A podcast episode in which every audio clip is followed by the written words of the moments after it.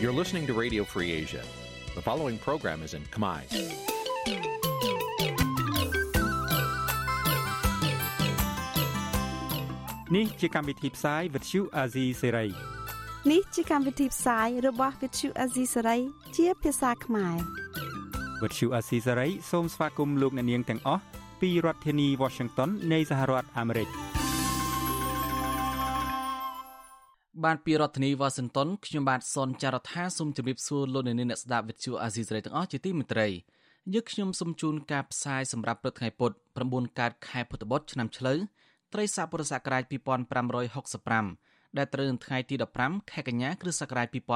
2021បានជាបន្តទៅនេះសូមអញ្ជើញលោកអ្នកនាងស្ដាប់ព័ត៌មានប្រចាំថ្ងៃដែលមានមេតិការដូចតទៅ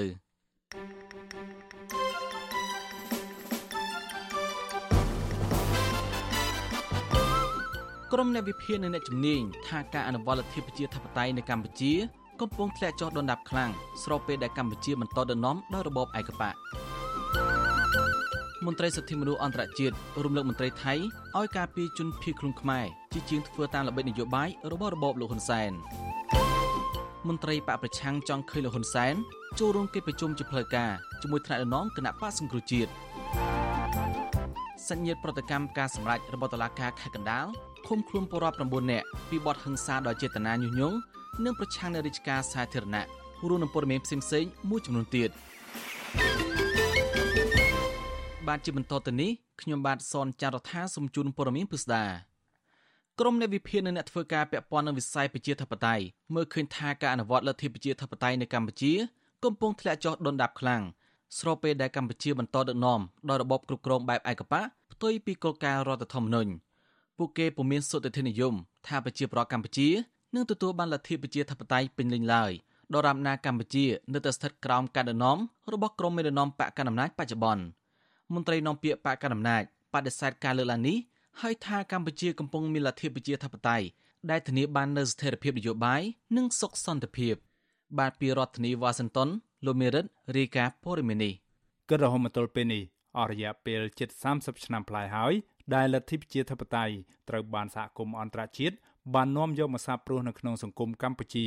ដោយដែលមានចែងនៅក្នុងរដ្ឋធម្មនុញ្ញតាមរយៈកិច្ចព្រមព្រៀងសន្តិភាពក្រុងប៉ារី23ដុល្លារឆ្នាំ1991 ក៏ប៉ុន្តែការអនុវត្តជាក់ស្ដែងលទ្ធិប្រជាធិបតេយ្យដែលបានចាក់ឫសគល់នៅក្នុងសង្គមកម្ពុជានេះហាក់កំពុងស្ថិតក្នុងដំណាក់កាលត្រដរខ្យល់ស្ទើរតែគ្មានដំណើរការខណៈក្រុមមេដឹកនាំបច្ចុប្បន្នកំពុងកេងចំណេញពីលទ្ធិនេះស្តៀងគ្នាទៅនឹងសម័យខ្មែរក្រហម ដែលដាក់ឈ្មោះប្រទេសថាកម្ពុជាប្រជាធិបតេយ្យយ៉ាងដូចនោះ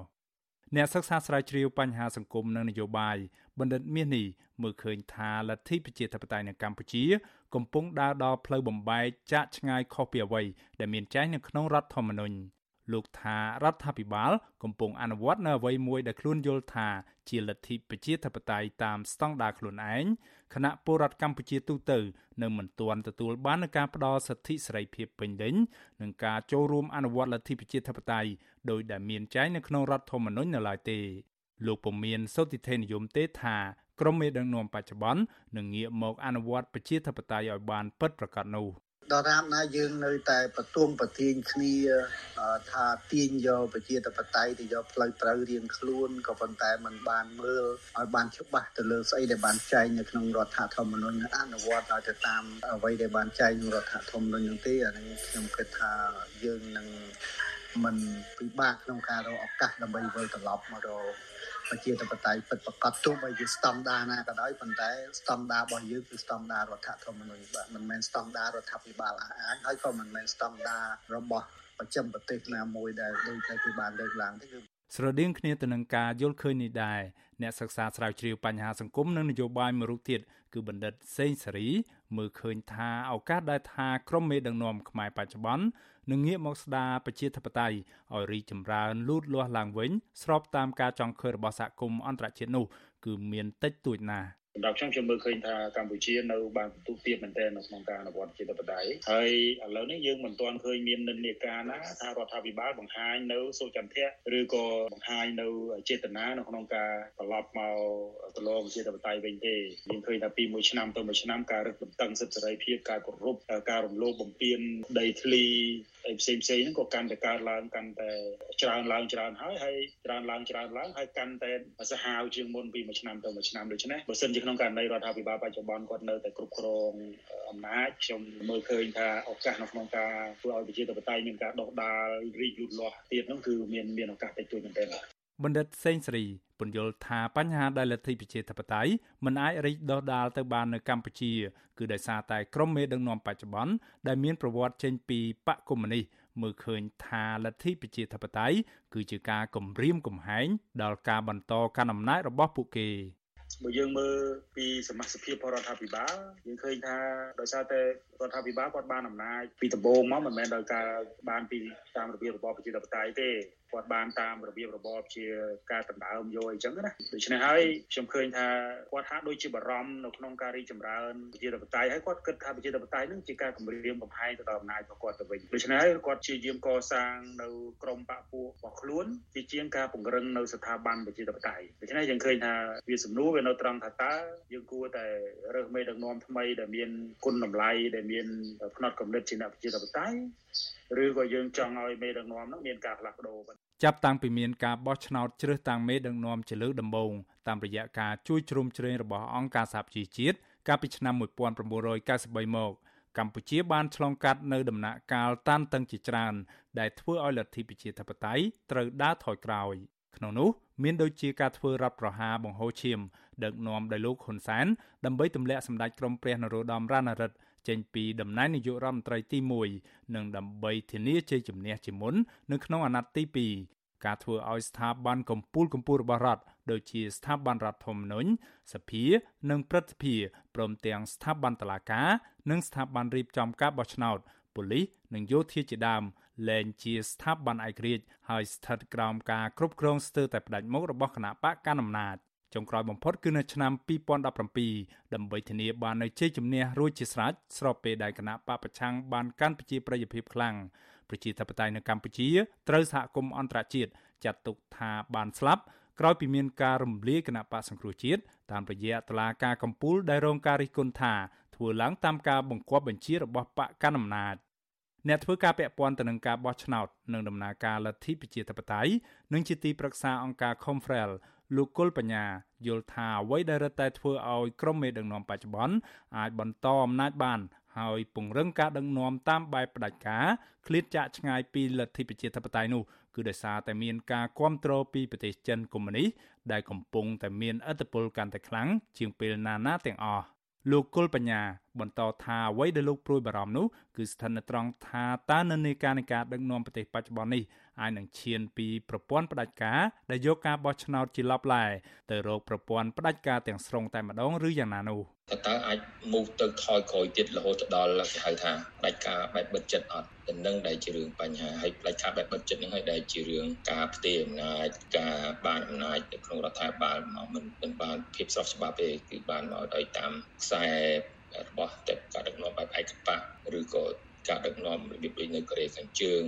ក៏តវងតកូលអ្នកនាំពាក្យគណៈបកប្រជាជនកម្ពុជា លោកសុអេសានបដិសេធការលើកឡើងនឹងកង្វល់ទាំងនេះលោកអាហាងថាគឺដោយសារតែកម្ពុជា មានលទ្ធិប្រជាធិបតេយ្យនេះហើយទើបធ្វើឲ្យពលរដ្ឋបានទទួលនៅសុខសន្តិភាពពេញលេញ ខ្ញុំយល់ថាបើលទ្ធិប្រជាធិបតេយ្យនៅកម្ពុជាស្លាប់នឹងកម្ពុជាអត់មានសន្តិភាពអត់មានស្ថិរភាពនយោបាយហើយនឹងសង្គមកម្ពុជានឹងវាច្បុកច្បល់វាចលាចលកលាប់ចាក់ហើយបាទដូច្នេះហើយវាផ្ទុយអំពីការពិតជាក់ស្ដែងដែលកើតឡើងនៅកម្ពុជាអញ្ចឹងអស់លោកមានមតិយ៉ាងណាជាសិទ្ធិរបស់អស់លោកទេតើគាត់និយាយវិញនិយាយទៅ ក៏ប៉ុន្តែកម្ពុជាប្រជាជនកម្ពុជាប្រកាន់ខ្ជាប់នៅគោលការណ៍លទ្ធិប្រជាធិបតេយ្យរបស់កម្ពុជា ដែលធានាបាននូវសុខសន្តិភាពស្ថិរភាពនយោបាយនិងសេចក្តីសុខសន្តិភាពរបស់ប្រជាពលរដ្ឋ យ៉ាងណាក៏ដោយផ្ទុយពីការលើកឡើងរបស់លោកសុយសាននេះស្ថាប័នអន្តរជាតិធំធំរួមទាំងប្រទេសលោកសេរីនិងអ្នកជំនាញអង្គការសហប្រជាជាតិផង តែងតែរកឃើញថាការអនុវត្តលទ្ធិប្រជាធិបតេយ្យនិងការគោរពសិទ្ធិមនុស្សនៅកម្ពុជា បានធ្លាក់ចុះជាខ្លាំងចាប់តាំងពីចុងឆ្នាំ2017រហូតមកទល់បច្ចុប្បន្ននេះស្របពេលដែលបកកណ្ដាលអំណាចបន្តបើកយុទ្ធនាការប្រឆាំងនឹងសម្លេងរិះគន់ឥតឈប់ឈរ អអង្គភាពស៊ើបអង្កេតសេដ្ឋកិច្ច EIU ដែលមានមូលដ្ឋាននៅចក្រភពអង់គ្លេសបានដាក់ចំណាត់ថ្នាក់កម្ពុជាឲ្យជាប់លេខ130នៅក្នុងចំណោម167ប្រទេសនៅលើពិភពលោកសម្រាប់សន្ទុះប្រជាធិបតេយ្យឆ្នាំ2020ដែលមានន័យថាកម្ពុជាជាប់ឈ្មោះជាប្រទេសដែលមានការគ្រប់គ្រងតាមបែបផ្ដាច់ការខ្ញុំបាទមេរិត Visual C ស្រីរាយការណ៍ពីរដ្ឋធានី Washington បានលុននាងជាទីមន្ត្រីមន្ត្រីខ្លំមើលសិទ្ធិមនុស្សអន្តរជាតិ រំលឹកមន្ត្រីរដ្ឋាភិបាលថៃឲ្យប្រកាន់ខ្ជាប់នូវកាតព្វកិច្ចការពារជនភៀសខ្លួនខ្មែរដោយមន្ត្រីចូលសងនៅក្នុងល្បិចកលនយោបាយបែបជើងកាងរបស់របបលោកហ៊ុនសែននោះទេ បាទពីរដ្ឋធានីវ៉ាស៊ីនតោនលោកមួនណារ៉េតរីកាព័រមីនីមន្ត្រីឃ្លាំមើលសិទ្ធិមនុស្សអន្តរជាតិចាត់ទុកយុទ្ធនាការរបស់រដ្ឋាភិបាលលោកហ៊ុនសែនក្នុងការតាមធ្វើទុកបុកម្នេញសកម្មជននយោបាយនៅក្រៅប្រទេសថាជាអំពើអាក្រក់ហួសដែលមិនអាចទទួលយកបាននឹងត្រូវតែបញ្ឈប់ជាបន្ទាន់ នាយករងប្រចាំតំបន់អាស៊ីនៃអង្គការឃ្លាំមើលសិទ្ធិមនុស្សអន្តរជាតិ Human Rights Watch លោក Phil Robertson ប្រាប់វិទ្យុអាស៊ីសេរីកាលពីថ្ងៃទី14ខែកញ្ញាថាសកម្មជននយោបាយដែលជាជនភៀសខ្លួននៅប្រទេសថៃគឺគ្រាន់តែអនុវត្តសិទ្ធិសេរីភាពរបស់ខ្លួន ក្នុងការបញ្ចេញមតិនិងទាមទារឲ្យមានការគោរពសិទ្ធិមនុស្សនិងប្រជាធិបតេយ្យនៅមាតុភូមិកំណើតរបស់ខ្លួនតែប៉ុណ្ណោះ លោកថាប្រទេសថៃមិនត្រូវលុះក្នុងអបាយកលនយោបាយដែលរៀបចំឡើងដោយរបបក្រុងភ្នំពេញក្នុងការធ្វើទុកបុកម្នេញពួកគេនោះទេប្រទេសថៃជាប្រទេសនៅក្នុងតំបន់អាស៊ានដែលឈានមុខគេនៅក្នុងការផ្ដល់ទីជម្រកនិងសិទ្ធិជ្រកកោនដល់ជនភៀសខ្លួននិងអ្នកសុំសិទ្ធិជ្រកកោនផ្នែកនយោបាយ ឧត្តមស្នងការអង្គការសហប្រជាជាតិទទួលបន្ទុកជនភៀសខ្លួនឬហៅកាត់ថា UNHCR ឲ្យដឹងថាបច្ចុប្បន្ននេះប្រទេសថៃកំពុងតែផ្ដល់ទីជម្រកនិងកិច្ចគាំពៀដល់ជនភៀសខ្លួននិងអ្នកសំសិទ្ធច្រកកោនផ្នែកនយោបាយជាងកន្លះលាននាក់មកពីជាង40ប្រទេសលោក Phil Robertson ស្នើឲ្យរដ្ឋមន្ត្រីក្រសួងយុតិធធថៃលោកសំសាក់ទេពសុធិន និងមេដឹកនាំនយោបាយថៃដទៃទៀតបន្តរក្សាគោលជំហរនិងកាតព្វកិច្ចរបស់ប្រទេសថៃអំពីការគោរពសិទ្ធិជនភៀសខ្លួននិងអ្នកសុំសិទ្ធិច្រកកោនផ្នែកនយោបាយនេះ។ ប្រតិកម្មរបស់មន្ត្រីជាន់ខ្ពស់ផ្នែកសិទ្ធិមនុស្សនេះធ្វើឡើងក្រោយប្រព័ន្ធឃោសនារបស់លោកហ៊ុនសែនបានចុះផ្សាយកាលពីថ្ងៃទី14ខែកញ្ញាថារដ្ឋមន្ត្រីក្រសួងយុតិធធថៃលោកសុំសាក់ទេពសុធិន បានសន្យាថារដ្ឋាភិបាលថៃនឹងពិនិត្យលទ្ធភាពនិងចាត់វិធានការផ្លូវច្បាប់ឲ្យបានតឹងរឹងបំផុតលើក្រុមប្រឆាំងណាមួយដែលយកទឹកដីថៃដើម្បីធ្វើសកម្មភាពប្រឆាំងឬក៏ជេរប្រមាថថ្នាក់ដឹកនាំខ្មែរ។ បើតាមប្រភពដដែលនេះអ្នកដែលទៅពឹងថៃឲ្យជួយធ្វើទុកបុកម្នេញសកម្មជនបកប្រឆាំងនៅក្រៅប្រទេសនោះគឺទីប្រឹក្សារបស់លោកនាយរដ្ឋមន្ត្រីហ៊ុនសែននិងជារដ្ឋលេខាធិការក្រសួងទេសចរលោកសុកសុក្រិតជាដែលត្រូវជាកូនប្រុសបង្កើតរបស់លោកសុកអេសានអ្នកនាំពាក្យគណៈបកកណ្ដាលអំណាចហើយដែលបានជួបមន្ត្រីថៃនៅទីក្រុងបាងកកកាលពីថ្ងៃទី13ខែកញ្ញា អ្នកខ្លាំមើលសង្គមថាភៀកគីថៃនឹងមិនចាត់ការឬធ្វើទុកបុកម្នេញលើសកម្មជននយោបាយនៅលើទឹកដីថៃតាមសំណើរបស់កម្ពុជានោះទេផ្ទុយទៅវិញការដែលមន្ត្រីថៃសន្យាជាមួយភៀកគីកម្ពុជានេះគឺធ្វើគ្រាន់តែដើម្បីស្អំចិត្តកម្ពុជា ដែលម្ដងហើយម្ដងទៀតរត់ទៅពឹងថៃឲ្យចាត់ការពលរដ្ឋខ្មែរអ្នកខ្លាំមើលការអភិវឌ្ឍសង្គមលោកបណ្ឌិតសេងសេរីមិនភ្ញាក់ផ្អើលនឹងមន្ត្រីរដ្ឋាភិបាលលោកហ៊ុនសែនដែលនៅតែចិញ្ចឹមចិត្ត តាមធ្វើទុកបុកម្នេញសកម្មជនបកប្រឆាំងរហូតដល់ទឹកដីថៃនោះទេព្រោះនេះអាចជាយុទ្ធសាស្ត្របន្លាចនិងបង្អើលបែបវាយបណ្ដាចរចាបណ្ដាល លោកបណ្ឌិតសេងសេរីថាសកម្មជននយោបាយខ្មែរដែលរត់ភៀសខ្លួនទៅប្រទេសថៃតាមធម្មតាទទួលបានកិច្ចគាំពៀពីស្ថាប័នសិទ្ធិមនុស្សនិងអង្គការសហប្រជាជាតិក្នុងឋានៈជាជនភៀសខ្លួនដោយសារតែការធ្វើទុកបុកម្នេញផ្នែកនយោបាយនោះលោកបន្តថាបើភាគីថៃចង់ចាត់ការសកម្មជននយោបាយទាំងនេះក៏មិនងាយស្រួលនោះដែរព្រោះនីតិវិធីស្មុគស្មាញហើយភាគីថៃក៏មិនចង់រងសម្ពាធឬការរិះគន់ពីសហគមន៍អន្តរជាតិរឿងសិទ្ធិជនភៀសខ្លួនផ្នែកនយោបាយនេះដែរ ពួកគាត់ដែលសកម្មនៅក្នុងការរិះគន់រដ្ឋាភិបាលបច្ចុប្បន្នដែលជាយុវជនគណៈបក្សសង្គ្រោះជាតិហ្នឹងគឺគាត់ជាពលរដ្ឋរបស់ UN ដែរគាត់ជាជនភៀសខ្លួននយោបាយអញ្ចឹងហើយរដ្ឋាភិបាលថៃហ្នឹងមុននឹងចាត់ការទៅលើពួកគាត់ហ្នឹងក៏ត្រូវតែពិភាក្សាជាមួយ UN ដែរ ពួកគាត់មានឋានៈជាពលរដ្ឋរបស់អង្គការសិទ្ធិជាតិវាមិនមែនជាពលរដ្ឋរបស់កម្ពុជាតែតែមួយមុខទៀតហើយខ្ញុំមើលទៅរបៀបនៅក្នុងការឆ្លើយរបស់រដ្ឋាភិបាលថៃទៅលើរដ្ឋាភិបាលកម្ពុជានេះគ្រាន់តែជាតិចនិចការទូតមួយដើម្បីធ្វើម៉េចឲ្យភាគីខាងកម្ពុជានឹងសប្បាយចិត្តសមចិត្តភាគីកម្ពុជាតែប៉ុណ្ណោះប៉ុន្តែជានីតិវិធីពិតប្រាកដហ្នឹងខ្ញុំមើលទៅរដ្ឋាភិបាលថៃនឹងមិនចាត់ការរឿងហ្នឹងទេបាទ ដូចគ្នានេះដែរយុវជនដែលជាសកម្មជនគណបកប្រឆាំងនឹងកំពុងតែភៀសខ្លួននៅប្រទេសថៃនិងសកម្មនៅក្នុងការធ្វើការតស៊ូមតិផ្នែកនយោបាយតាមបណ្ដាញសង្គមថាសាររបស់ប្រព័ន្ធឃោសនារបស់លោកហ៊ុនសែនដែលអះអាងអំពីការសន្យារបស់អាជ្ញាធរថៃលើសកម្មជនខ្មែរនេះមិនមានអធិបុលអ្វីឲ្យថៃចាត់ការនោះឡើយព្រោះពួកលោកគ្មានធ្វើអ្វីខុសច្បាប់ដោយការចោទប្រកាន់របស់មន្ត្រីរបបលោកហ៊ុនសែននោះដែរ យុវជនគណៈបកសង្គ្រោះជាតិដែលកំពុងតែរស់នៅនិរទេសខ្លួននៅប្រទេសថៃលោកសេងមេងប៊ុនរងថាសកម្មជននយោបាយបពប្រឆាំងអនុវត្តសិទ្ធិស្របច្បាប់របស់ខ្លួននៅក្នុងសកម្មភាពនយោបាយដែលការពារដោយរដ្ឋធម្មនុញ្ញកម្ពុជានិងច្បាប់អន្តរជាតិលោកថាការនិយាយការពិតអំពីបញ្ហាអសកម្មនៃរបបលោកហ៊ុនសែនគឺជាការរិះគន់នៅក្នុងន័យឲ្យរបបនេះកែលម្អដើម្បីបានជាប្រយោជន៍ដល់សង្គមជាតិខ្មែរទាំងមូលដូច្នេះគ្មានអ្វីដែលត្រូវខុសច្បាប់ឬត្រូវព្រួយបារម្ភនោះទេ លោកបន្ថែមទៀតថាភាគីថៃក៏គ្មានមូលដ្ឋានច្បាប់ណាមកធ្វើទុកបុកម្នេញប្រជាពលរដ្ឋខ្មែរដែលសម្ដែងមតិនិងនិយាយការពិតអំពីបញ្ហាសង្គមខ្មែរនោះដែរថៃកំពុងតែមានរឿងពាក់ព័ន្ធសិទ្ធិមនុស្សច្រើនអញ្ចឹងបើគេយកពេលវេលាមកចង់ចាត់ការយើងទៀតដែលយើងជាជនភៀសខ្លួននយោបាយនៅក្នុងប្រទេសថៃច្បាស់ហើយគេនឹងធ្វើការស៊ើបអង្កេតសិនគេមិនមែនចេះធ្វើដោយចិត្តឯងឬមួយក៏គេជឿរបបលហ៊ុនសែនទេអញ្ចឹងគេមិនអាចធ្វើអីព្រាមព្រាមអីអញ្ចឹងក៏យ៉ាងណាក៏គេត្រូវតែធ្វើការស៊ើបអង្កេតជាមុនដែរហើយគេនឹងដឹងថាពួកយើងធ្វើអី ពួកយើងធ្វើការតស៊ូមតិពួកយើងធ្វើការដើម្បីលទ្ធិប្រជាធិបតេយ្យបាទវិទ្យុអាស៊ីសេរីមិនទាន់អាចសុំការបញ្ជាក់ពីស្ថានទូតថៃនិងក្រសួងយុតិធធថៃជុំវិញខ្លឹមសារដែលសារព័ត៌មាន The Fresh News អះអាងថាជាសម្ដីរបស់រដ្ឋមន្ត្រីក្រសួងយុតិធធថៃនេះបាននៅឡើយទេ បើទោះបីជាយ៉ាងនេះក្តីទាំងរដ្ឋធម្មនុញ្ញកម្ពុជានិងច្បាប់អន្តរជាតិដែលកម្ពុជាបានចុះហត្ថលេខាសុទ្ធតែបានចែងអំពីសិទ្ធិសេរីភាពរបស់ប្រជាពលរដ្ឋនៅក្នុងការបញ្ចេញមតិនិងសេរីភាពនៅក្នុងការធ្វើនយោបាយដោយគ្មានការរើសអើងនិងធ្វើទុកបុកម្នេញរដ្ឋបរទេសមានកាតព្វកិច្ចផ្ដល់កិច្ចការពារនិងសិទ្ធិជ្រកកោនផ្នែកនយោបាយទៅដល់ជនភៀសខ្លួននយោបាយដែលកិច្ចចេញពីការធ្វើទុកបុកម្នេញរបស់រដ្ឋាភិបាលនៃប្រទេសសម័យខ្ញុំបាទមុងណារ៉េត With you Azisari ប្រធានាធិបតី Washington បានលុននាងជាទីមត្រីមន្ត្រីជាន់ខ្ពស់គណៈបកប្រឆាំងគ្មានការតក់ស្លុតនិងភ័យខ្លាចចំពោះលោកនាយករដ្ឋមន្ត្រីហ៊ុនសែនដែលលបចូលរួមប្រជុំតាមអនឡាញនោះទេពួកគេនឹងរៀបចំកិច្ចប្រជុំក្រុមការងាររបស់ខ្លួននៅកម្ពុជាបន្តទៀតបើទោះបីជាលោកឡុងរីចាត់ទុកការលបចូលរួមប្រជុំតាមអនឡាញជារឿងគ្មានសិលធម៌និងជ្រៀតជ្រែកកិច្ចការផ្ទៃក្នុងរបស់គណៈបកប្រឆាំងក្តី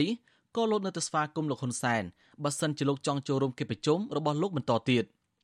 លោកឡុងរីអះអាងថាកិច្ចប្រជុំកាលពីថ្ងៃទី9កញ្ញាដែលលោកហ៊ុនសែនបានចូលរួមនោះគឺប្រជុំជាមួយសកម្មជននៅភ្នំពេញស្ដីពីយុទ្ធសាស្ត្រការងារដើម្បីប្រទេសជាតិដូច្នេះគ្មានអ្វីត្រូវលាក់បាំងទេលោកអះអាងថាលោកក៏បានដឹងខ្លួនជាមុនដែលថាក្រុមការងារលោកមានមនុស្សលើបញ្ជូនអាស័យដ្ឋានកិច្ចប្រជុំទៅឲ្យអ្នកដទៃស្ដាំតែលោកមនឹកស្មានថាបកគោម្នាក់នោះគឺជានាយករដ្ឋមន្ត្រីលោកឡុងរីជំរុញឲ្យនាយករដ្ឋមន្ត្រីត្រូវចេញមកប្រជុំជាផ្លូវការជាមួយថ្នាក់ដឹកនាំគណៈបកសង្គ្រោះជាតិ ដើម្បីស្វែងរកដំណោះស្រាយនយោបាយនិងផលប្រយោជន៍ជាតិជាធំមិនមែននិយាយពីរឿងបុគ្គលនោះទេតើលោកឡុងរីជំរុញអនុរដ្ឋមន្ត្រីហ៊ុនសែនត្រូវមានសេចក្តីក្លាហានចូលរួមកិច្ចប្រជុំជាផ្លូវការជាមួយថ្នាក់ដឹកនាំគណៈបកសង្គ្រោះជាតិបែបណាខ្លះសូមអញ្ជើញលោកនាងស្ដាប់បទសម្ភាសន៍រវាងលោកទីនសការីយ៉ាដែលសម្ភាសន៍លោកឡុងរីអំពីរឿងនេះដូចតទៅ អាយដាមតើលោកនាយរដ្ឋមន្ត្រីហ៊ុនសែនចូលរួមប្រជុំកាលពីថ្ងៃទី9កញ្ញាជាមួយអាយដាមហ្នឹងតើលោកចូលដល់របៀបណាហើយនៅពេលដែលបានចូលហ្នឹងអាយដាមមានការភ្ញាក់ផ្អើលបែបណាទៅបាទថ្ងៃទី9នេះយើងបានជួបជុំគ្នាតាមរយៈការពង្រឹងរចនាសម្ព័ន្ធរាជធានីភ្នំពេញយើងតែងតែជួបជាប្រចាំតាមរយៈប្រជុំហ្នឹងគឺយើងប្រជុំតាម Zoom ណាតាម Zoom ហើយ Zoom យើងដឹងហើយជាប្រព័ន្ធប្រជុំមួយដែលយើង ធ្វើជាម្ចាស់ហើយខ្ញុំអ្នកធ្វើ admin ក្នុងការរៀបចំហ្នឹងអញ្ចឹងអត់មានអីចម្លែកទេនៅពេលប្រជុំហ្នឹងគ្នាគ្នាយើងបានប្រាប់ថាមាន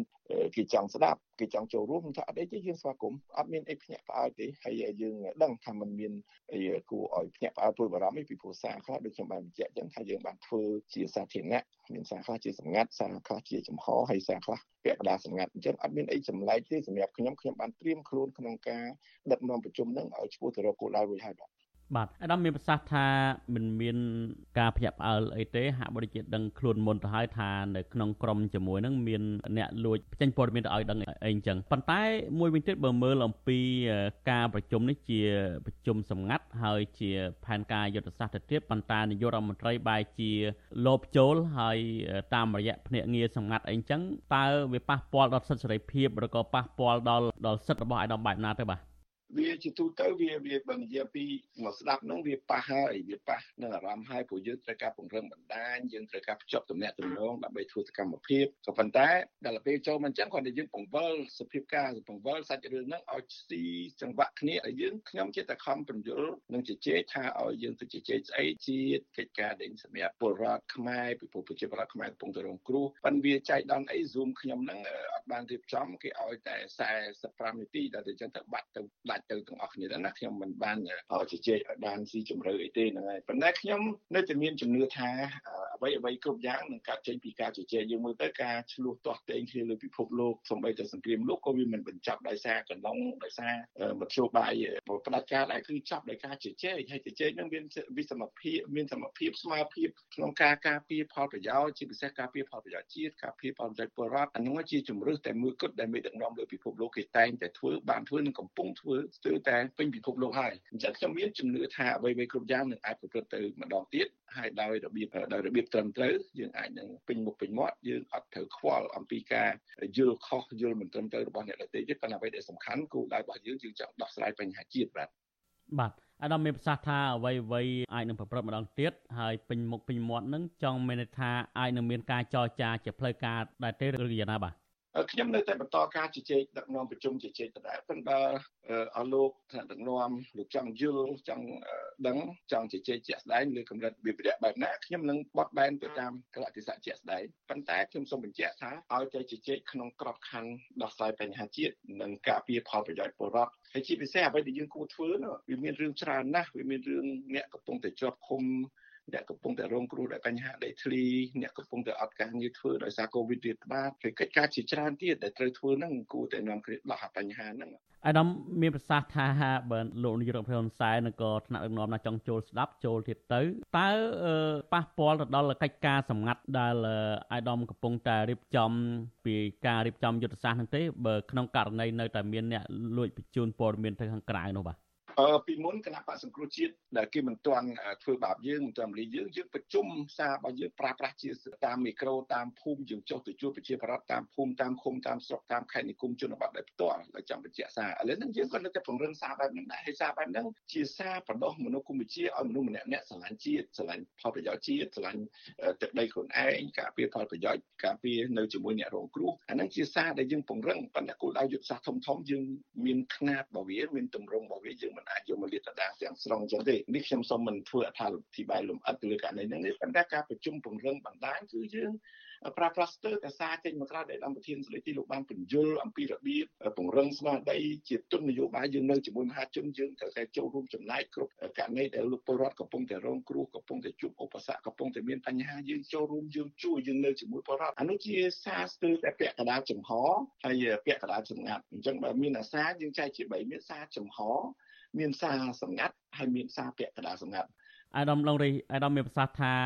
កិច្ចប្រជុំនឹងមានសារពាក្យកណ្ដាលសម្ងាត់និងសារសម្ងាត់ចុះកិច្ចប្រជុំសម្ងាត់ទៅវិញ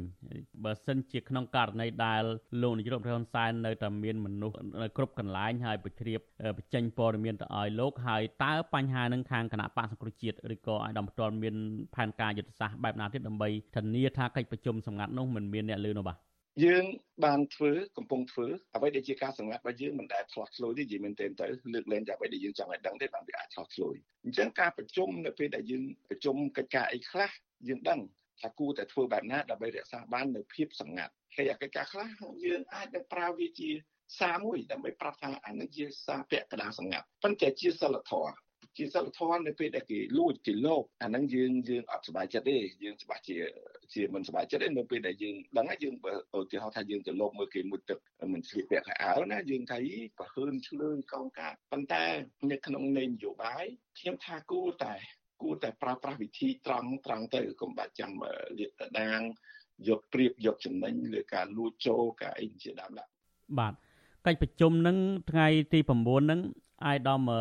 កំពុងតែនិយាយអំពីអ្វីទៅបាទអឺទីមួយយើងបានពង្រឹងរចនាសម្ព័ន្ធរបស់យើងនៅរាជធានីពេញដែលមានវត្តមានថ្នាក់ដឹកនាំរបស់រាជធានីមានឯកឧត្តមហវ៉ាន់ឯកឧត្តមផល្លានិងក្បាលម៉ាស៊ីនយើងតាមបណ្ដាខណ្ឌពង្រឹងទីមួយអ្វីគ្រប់យ៉ាងយើងនៅតែថែទាំនៅតែពង្រឹងបានក្រុមប្រឹក្សាឃុំសង្កាត់របស់យើងយើងនៅតែរឹងមាំក្រុមប្រឹក្សាខណ្ឌរបស់យើងយើងនៅតែរឹងមាំក្រុមប្រឹក្សារាជធានីរបស់យើងនៅតែរឹងមាំប៉ុន្តែទីតាំងវានៅខុសគ្នាអញ្ចឹងយើងអាចប្រាប់អំពីរបៀបកិច្ចការដែលយើងធ្វើការមកផ្សេងផ្សេងគ្នាតាមរបៀបណាពេលណា ហើយបត់ដែនក្នុងកលៈទេសៈបែបណាក៏ជាជារបៀបទេហ្នឹងហើយបញ្ហាក្រុមសាស៊ីជម្រៅហ្នឹងយើងនឹងបន្តប្រជុំវងទូទូទៀតទៅតាមរបៀបតើខណ្ឌនេះធ្វើអីខណ្ឌនោះធ្វើអីតំណាងស្ត្រីធ្វើអីតំណាងយុវជនធ្វើអីយើងនៅតែជជែកហើយយើងមានជំនឿថាការជជែកបែបហ្នឹងនៅតែរក្សាបានភាពសម្ងាត់នឹងហើយនៅតែទទួលបានលទ្ធផលល្អប៉ុន្តែយើងបានគិតជាយុទ្ធសាស្ត្រថាត្រូវធ្វើអីហ្នឹងថ្នាក់របស់អាម៉ាស៊ីនយើងមានរបៀបរបស់យើងមួយទៀតបាទ កិច្ចប្រជុំដែលលោកនាយរដ្ឋមន្ត្រីហ៊ុនសែនលោកចូលហ្នឹងគឺស្ដាប់ទៅគឺដាច់មកកណាត់មានន័យថាមិនចប់ចុងចប់ដើមដែរឲ្យអាយដាមក៏បានបញ្ជាក់ពីខាងដើមដែលថា Zoom ហ្នឹងគឺដាច់កដាលទីតើកិច្ចប្រជុំលើក្រោយទៀតឬក៏អាយដាមចង់ឲ្យលោកនាយរដ្ឋមន្ត្រីហ៊ុនសែនចូលមកម្ដងទៀតដើម្បីជជែកឲ្យដឹងសខ្មៅថាតើលោកចូលមកក្នុងគោលបំណងអីហើយចង់ឲ្យមានការជួបជជែកគ្នាឡើងវិញម្ដងទៀតទេបាទខ្ញុំស្វាគមន៍ ខ្ញុំនៅតែបន្តដឹកនាំដូចខ្ញុំបានជម្រាបចឹងបន្តដឹកនាំហើយសំកែលម្អផ្នែកបច្ចេកទេសហ្នឹងហើយយើងនៅតែបន្តការជជែកផ្ទៃក្នុងយើងដដែលហើយបើសិនជាគាត់យល់ឃើញថាការជជែកហ្នឹងវានាំឲ្យចំណេញដល់ផលប្រយោជន៍ជាតិអាហ្នឹងយើងអាចចូលចោះខ្ញុំអត់អត់ថៃទេបាទចុះអាយដាមនឹងទៀតតងទៅលោកនាយរដ្ឋមន្ត្រីទេដើម្បីឲ្យមានការចែកបន្តទៀតនៅអ្វីដែលចង់ជជែកនោះបាទខ្ញុំអត់មានអីទៅតាក់ទងកើតណាខ្ញុំអត់មានដឹងប្រភពអត់ដឹងរបៀបហើយមិនដឹងថា ធ្វើម៉េចនិយាយជារួមហ្នឹងហើយបាទអរគុណច្រើនដល់លោករីបាទបាទអរគុណបាទលោកនាងជាទីមត្រីលោកនាងទៅបានស្ដាប់បទសម្ភាសរវាងលោកទៀនសកលយានិងមន្ត្រីជាន់ខ្ពស់គណៈបកសង្គ្រោះជាតិលោកឡុងរីដែលស្នើឲ្យលោកនាយករដ្ឋមន្ត្រីហ៊ុនសែនត្រូវមានសេចក្តីក្លាហានចូលរួមកិច្ចប្រជុំជាផ្លូវការជាមួយថ្នាក់ដឹកនាំគណៈបកសង្គ្រោះជាតិបាទសូមអរគុណ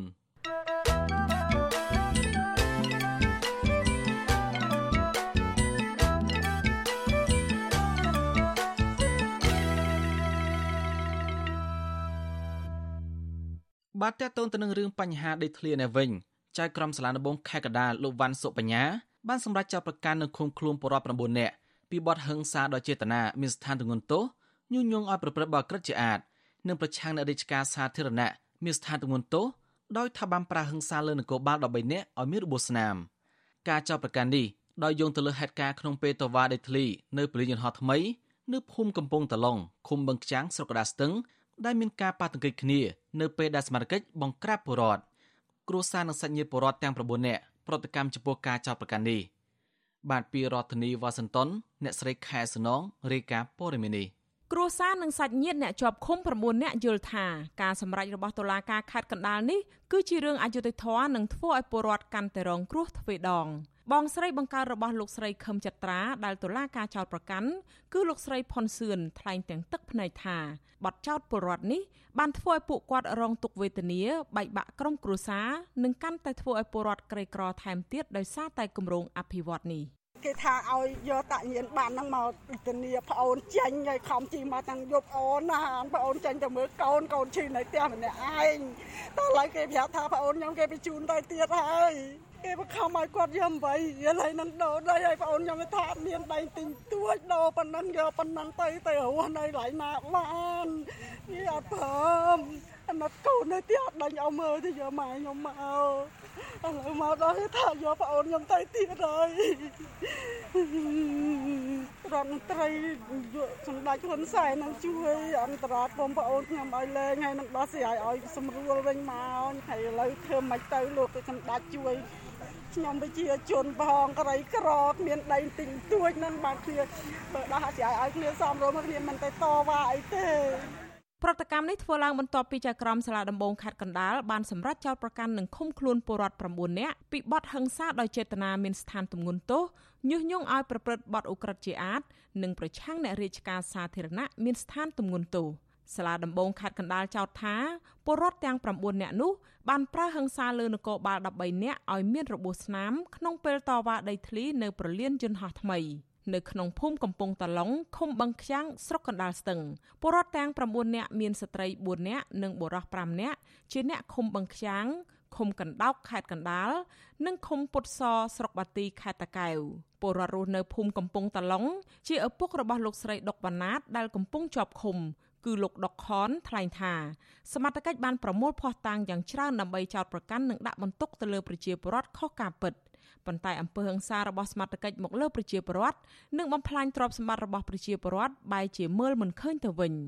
ស្រាប់តែឥឡូវទៅដល់លែងតឡាការមានតាំងពីចប់កាប់ចប់ជីកតសេះអាណាលអាលតកកហើយដបសាំងលេងកន្លះកឆេប៉ូលីសនឹងសាហាវណាស់បងអើយសាហាវមែនតែនមកដល់លេងវាយគ្នាឡើងផ្ទះអាផ្ទះគ្នាអត់នេះទៅធាក់ជាងធាក់ ទ្វារគ្នាឡើងចាប់មនុស្សដល់លើផ្ទះអាបន្ទប់លើក៏ឡើងទៅចាប់ដែរធាក់ទ្វារអ្នកអួចគ្នាឡើងបែកអស់ហើយកញ្ចក់អាទ្វារជន់លើទះណាក៏ដោយឲ្យតែនេះឡើងទៅវាយទៅធាក់ផ្ទះនៅទល់មុខអាកន្លែងផ្ទះឈ្មោះពូរាហ្នឹងគាត់លក់សាំងយកដបសាំងយកកវិតយកចប់កាប់យកចប់ជីកមកដូចវាអត់មានហងអាពេលនេះនឹងអាពេលបាតកម្មនឹងខ្ញុំឃើញដែរអត់មានសោះ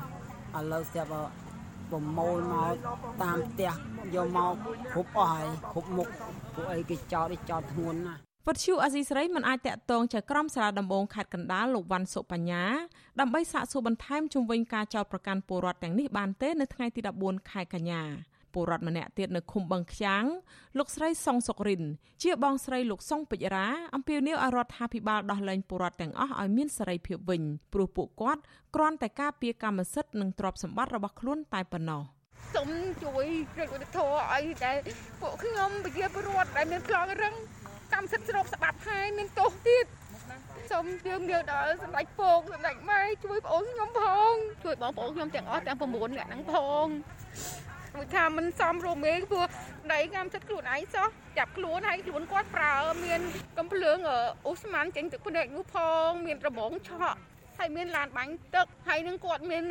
កម្លាំងជាច្រើនប្រហែលជា400នាក់ប្រជាពលរដ្ឋខ្ញុំនឹងគ្មានអីគេទៅតតាំងជាមួយគាត់ទេហើយគាត់ចាប់ដាក់ពន្ធនាយកទៀតកាលពីថ្ងៃទី12ខែកញ្ញាកម្លាំងនគរបាលនិងកងរាជអាវុធហត្ថខេត្តកណ្ដាលប្រមាណ300នាក់ប្រដាប់ដោយខែល និងដំបងបានប្រើហិង្សាទៅលើប្រជាពលរដ្ឋមានចំនួនដីធ្លីប្រមាណ100នាក់នៅក្នុងភូមិកំពង់តាឡុងឃុំបឹងខ្យាងស្រុកកណ្ដាលស្ទឹងឲ្យរងរបួសជាច្រើនអ្នកនិងចាប់ខ្លួនពលរដ្ឋចំនួន30នាក់ ហេតុការណ៍នេះកើតឡើងនៅក្រៅពេលដែលពលរដ្ឋនាំគ្នាដុតសម្រាមនៅខាងមុខរនាំងដែកដែលសមត្ថកិច្ចបិទផ្លូវដើម្បីទាមទារឲ្យអាជ្ញាធរបើកផ្លូវឲ្យពួកគាត់អាចចូលទៅមើលដីស្រែរបស់ពួកគាត់ដែលត្រូវក្រុមហ៊ុន OCIC របស់អង្គការពងខៀវសែដែលស្និទ្ធនឹងលោកនាយករដ្ឋមន្ត្រីហ៊ុនសែនឈូសលុបបំផ្លាញចោលដើម្បីយកដីសាងសង់ប្រលានយន្តហោះថ្មីខ្នាតអន្តរជាតិប៉ុន្តែសមត្ថកិច្ចហាមឃាត់មិនឲ្យពួកគាត់ចូលទៅ។ សាលាខេត្តកណ្ដាលចេញសេចក្តីប្រកាសព័ត៌មានមួយដោយចោទប្រកាន់ថាពលរដ្ឋជាអ្នកបង្កឲ្យមានអំពើហិង្សា មានប្រើដំបងគប់ដុំថ្ម បាញ់ជំពាមកៅស៊ូនិងគប់ដបសាំងដាក់កម្លាំងសមត្ថកិច្ចឲ្យរងរបួស13នាក់ទើបនាំឲ្យមានការប្រើកម្លាំងបំបីក្រុមប្រជាពលរដ្ឋនិងចាប់ខ្លួនមនុស្ស30នាក់ក្នុងចំណោមពលរដ្ឋ30នាក់ដែលសមត្ថកិច្ចចាប់ខ្លួនមាន21នាក់ត្រូវបានដោះលែងវិញនៅថ្ងៃទី14ខែកញ្ញាដោយឲ្យពួកគាត់ធ្វើកិច្ចសន្យាឈប់តវ៉ា តកតងរឿងនេះអ្នកនាំពាក្យសមាគមការពារសិទ្ធិមនុស្សអាត់ហុកលោកសឹងសានករណាយល់ថាការបង្កឲ្យមានការប៉ះទង្គិចឬហិង្សាដាក់គ្នានាំឲ្យរបួសស្នាមទាំងសងខាងនេះគឺដោយសារតែការអូសបន្លាយមិនដោះស្រាយដីធ្លីជូនប្រជាពលរដ្ឋ លោកថារឿងនេះសមត្ថកិច្ចគួរតែត្រឹមធ្វើការអប់រំនិងទម្លាក់ចោលការចោទប្រកាន់ពីពលរដ្ឋហើយងាកទៅដោះស្រាយបញ្ចប់បញ្ហាដីធ្លីនេះវិញបើមិនចឹងទេខ្ញុំយល់ថាបញ្ហានៃការកើតឡើងនៅវិវាទដីធ្លីនេះហាក់ដូចជាមិនមានទីបញ្ចប់ទេ គឺនៅតែបន្តរ៉ាំរ៉ៃអូសបន្លាយចឹងទៅហើយយើងក៏មានការព្រួយបារម្ភនឹងអាចមានកើតនូវករណីផ្សេងផ្សេងបន្តទៀតកើតឡើងដែរអញ្ចឹងគួរតែខាងស្ថាប័នពាក់ព័ន្ធទាំងអស់ហ្នឹងគួរតែមានការពិនិត្យនិងទៅជែកគ្នារកដំណោះស្រាយឡើងវិញដើម្បីបញ្ចប់នៅវិវាទដីធ្លីនៅចំណុចពលានយន្តហោះដែលកំពុងសាងសង់នឹងបាទថ្មីបើមានការដោះលែងអ្នកភូមិខ្លះ និងបញ្ជូនសំណុំរឿងទៅដល់តុលាការនេះអ្នកភូមិមួយចំនួនកំពុងបន្តរត់គេចនិងលាក់ខ្លួនមិនហ៊ាននៅផ្ទះនោះទេព្រោះភ័យខ្លាចសមត្ថកិច្ចនិងអាជ្ញាធរដែលបានព្យាយាមតាមស្វែងរកពួកគេដោយសង្ស័យថាជាតំណាងប្រជាពលរដ្ឋនិងនាំគ្នារៀបចំឯកសារស្នាមមេដៃនិងថតចម្លងប្លង់ដីក្រុងដាក់ញត្តិរោគដំណោះស្រាយនៅតាមស្ថាប័នរដ្ឋក្នុងរាជធានីភ្នំពេញនៅដើមសប្តាហ៍នេះចា៎នេះខ្ញុំខែសុណងវັດឈូអាស៊ីសេរីរាយការណ៍ពីរដ្ឋធានី Washington បាទតកតូនទៅនឹងរឿងនេះដែរប្រជាពលរដ្ឋនិងមន្ត្រីសិទ្ធិមនុស្សនៅតែទទូចអាជ្ញាធរនិងក្រុមហ៊ុន OCIC របស់អង្គការពងឃីវសែផ្ដោតសំណងសំរុំដល់ពលរដ្ឋដែលរងផលប៉ះពាល់ពីគម្រោងអភិវឌ្ឍសាងសង់ពលានហោះថ្មីតាមមន្ត្រីសិទ្ធិមនុស្សមានទស្សនៈបែបណាចំពោះការបណ្តេញចេញដោយបង្ខំនេះបានលោកនាងបានស្ដាប់សេចក្តីរាយការណ៍បន្ថែមអំពីរឿងនេះនៅពេលបន្តិចទៅនេះបាទសូមអរគុណ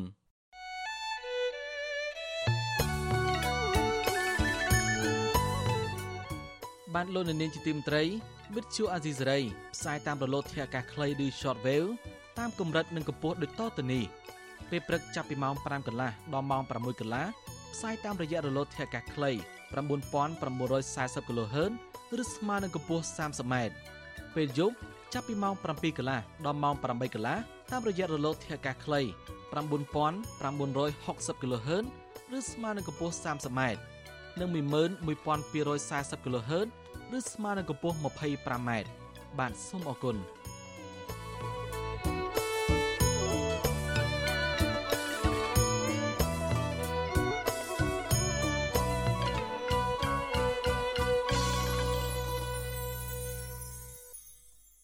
បាទតើតើទៅនឹងស្ថានភាព COVID-19 វិញមានអ្នកកើត COVID-19 9អ្នកទៀតបានស្លាប់ដែលធ្វើឲ្យករណីស្លាប់ដោយសារជំងឺនេះបានកើនឡើងដល់ជាង2000អ្នកហើយនៅថ្ងៃទី14ខែកញ្ញា ចំពោះករណីឆ្លងថ្មីវិញមាន657អ្នកក្នុងនោះ153អ្នកជាករណីនាំចូលពីក្រៅប្រទេសមួយរយៈនេះនៅខេមរៈទីមន្ជ័យនៅតែមានអ្នកឆ្លង COVID-19 ដដែលដោយអ្នកឆ្លងថ្មី100អ្នកក្នុងមួយថ្ងៃក្នុងនោះភាគច្រើនជាពលករខ្មែរត្រឡប់មកពីប្រទេសថៃគិតត្រឹមថ្ងៃទី14ខែកញ្ញាកម្ពុជាមានអ្នកកើត COVID-19 មានជាង100,000នាក់ក្នុងនោះអ្នកជាសះស្បើយមានជិត95,000នាក់ចំពោះការចាប់វ៉ាក់សាំងវិញក្រសួងសុខាភិបាលប្រកាសថាគិតត្រឹមថ្ងៃទី13ខែកញ្ញា រដ្ឋាភិបាលបានចាក់ជូនពលរដ្ឋជិតសម្រេចបានផែនការ100%ហើយនៅក្នុងចំណោមពលរដ្ឋដែលត្រូវចាក់វ៉ាក់សាំងសរុបជិត12លាននាក់បើទោះបីជារដ្ឋាភិបាលចាក់វ៉ាក់សាំងជិតសម្រេចផែនការយ៉ាងនេះក្តីក៏អ្នកស្លាប់ដោយសារ COVID-19 និងអ្នកឆ្លងថ្មីនៅតែមានចំនួនខ្ពស់ដដែលរយៈពេលមួយសប្តាហ៍ចុងក្រោយនេះអ្នកស្លាប់ដោយសារ COVID នេះមានចន្លោះពី9ទៅ20នាក់ក្នុងមួយថ្ងៃចំណែកឯអ្នកឆ្លងថ្មីវិញប្រមាណពី550នាក់ទៅជិត700នាក់ក្នុងមួយថ្ងៃ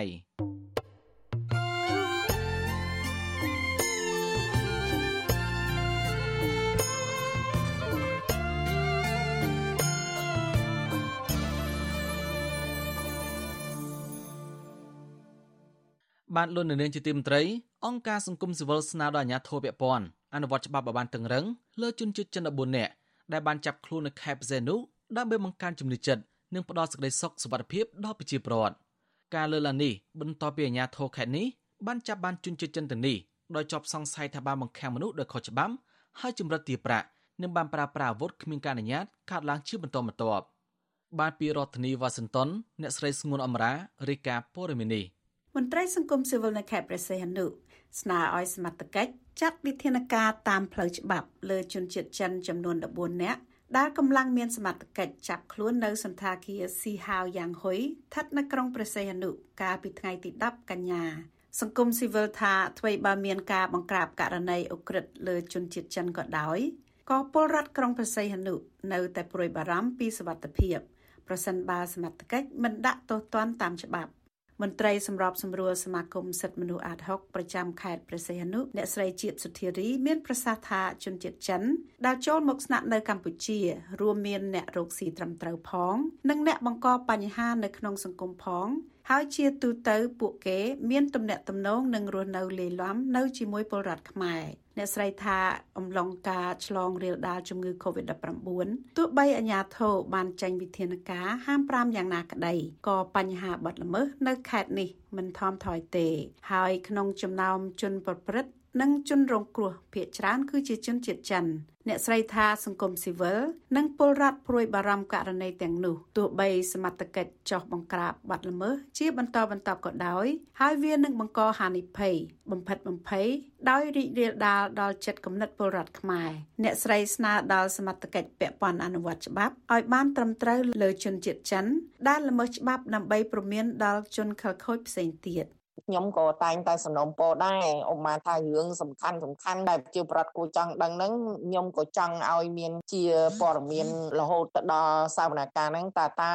សាលាដំបងខេត្តព្រះនុនេះបានសម្រេចផ្ដន់ទាទោសទៅលើពួកគាត់ហ្នឹងដាក់ពន្ធនាគារមួយឆ្នាំមួយឆ្នាំអញ្ចឹងទៅដើម្បីឲ្យប្រជាប្រដ្ឋទាំងអស់គ្នាហ្នឹងបានស្ងប់ចិត្តដែរកម្លាំងកងរាជអាវុធហត្ថខេត្តព្រះសីហនុចំនួន30នាក់និងព្រះរាជអាជ្ញានៃអាយកាអមសាលាដំបងខេត្តព្រះសីហនុ លោកសៀងសុកបានខាត់ខ្លួនជនសង្ស័យចំនួន14នាក់ករណីចាប់ឃុំឃាំងនិងនឹងបង្ខាំងមនុស្សដោយខុសច្បាប់ចម្រិតទាប្រាក់និងកាន់កាប់ប្រើប្រាស់អាវុធគ្មានការអនុញ្ញាត នៅត្រង់ចំណុចសន្តាគារស៊ីហាវយ៉ងហួយស្ថិតនៅក្រមទី13ភូមិ4សង្កាត់4ក្រុងព្រះសីហនុកាលពីថ្ងៃទី10កញ្ញាក្នុងការបង្ក្រាបនោះអាជ្ញាធរបានរំដោះបរិះរងគ្រោះជនជាតិចិនម្នាក់និងចាប់យកអាវុធវែងចំនួន2ដើម និងអាវុធខ្លី5ដើម និងគ្រាប់កាំភ្លើងមួយចំនួនជុំវិញរឿងនេះអ្នកនាំពាក្យកងរាជអាវុធហត្ថលើផ្ទៃប្រទេសលោកអេងហ៊ីប្រាប់ដោយខ្លីថាលោកមិនអាចបញ្ជាក់ជុំវិញការចោទបង្ក្រាបនិងចាប់ខ្លួនជនជាតិចិន14នាក់នោះទេដោយលោកលើកហេតុផលថាដំណាក់កាលនេះស្ថិតលើដៃអัยការហើយលោករុញឲ្យសួរតឡាការខេត្តព្រះសីហនុវិញចំណែកអ្នកនាំពាក្យតឡាការខេត្តព្រះសីហនុលោកហួតវិចិត្រប្រាប់វិទ្យុអាស៊ីសេរី ថាសំណុំរឿងជនជាតិចិននេះមិនតាន់បញ្ជូនដល់តុលាការខេត្តនៅឡើយទេ ដោយកងកម្លាំងរាជអាវុធហត្ថត្រូវយកជនជាតិចិនទាំង14នាក់នោះ ទៅមន្ទីរពេទ្យធ្វើចតាឡៃស័កនិងអនុវត្តតាមវិធានការសុខាភិបាលជាមុនសិនលោកបន្តថាព័ត៌មានយ៉ាងណា ខាងលោកនឹងជូនដំណឹងពេលក្រោយ។ ដូចព័ត៌មានដែលខាងកងរាជអាវុធហត្ថគាត់បានផ្សព្វផ្សាយបាទនៅពេលដែលសំណុំរឿងបញ្ជូនមកដល់អัยការអัยការនឹងធ្វើការពិនិត្យលើសំណុំរឿងហ្នឹងហើយនឹងចោតបទអីពេលហ្នឹងបានខ្ញុំដឹងខ្ញុំអត់អាចប្រាប់មុនទេដោយសារសំណុំរឿងអត់ទាន់មកដល់ណាជាមួយគ្នានេះកាលពីថ្ងៃទី12កញ្ញានគរបាលខេត្តព្រះសីហនុបានខាត់ខ្លួនជនជាតិចិនចំនួន5នាក់ទៀតជំវិញករណីបង្ខាំងមនុស្សដោយខុសច្បាប់ និងរំដោះបរោះរងគ្រោះជនជាតិចិនម្នាក់នៅក្នុងផ្ទះល្វែងមួយស្ថិតនៅក្រុមទី31ភូមិ5សង្កាត់4ក្រុងព្រះសីហនុរបាយការណ៍ក្រសួងមហាផ្ទៃបានឲ្យដឹងថាឆ្នាំ2019មានជនជាតិចិនរស់នៅក្នុងប្រទេសកម្ពុជា រយៈពេលវែងចំនួន250,000នាក់ក្នុងនោះប្រមាណ10,000នាក់នៅទីក្រុងភ្នំពេញ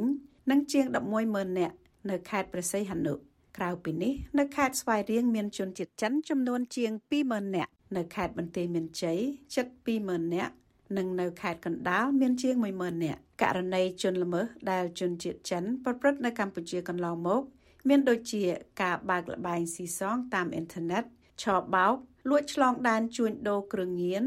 ជួញដូរមនុស្សជួញដូរផ្លូវភេទជំរិតទារប្រាក់ ការកាន់កាប់ប្រើប្រាស់អាវុធគ្មានការអនុញ្ញាត និងសកម្មភាពអ ுக ្រិតខុសច្បាប់ផ្សេងទៀតរួមទាំងការបង្កហិង្សាបាញ់បោះកាប់ចាក់នៅទីសាធារណៈជាដើមប្រការនេះហើយដែលធ្វើឲ្យពលរដ្ឋខ្មែរនៅតែព្រួយបារម្ភពីសវត្ថិភាពហើយពួកគេស្នើឲ្យអាជ្ញាធរយកចិត្តទុកដាក់ចំពោះបញ្ហាទាំងអស់នេះ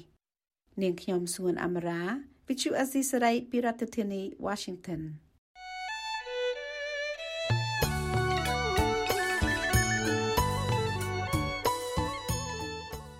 បានលោកនៅនាងជាទីមត្រី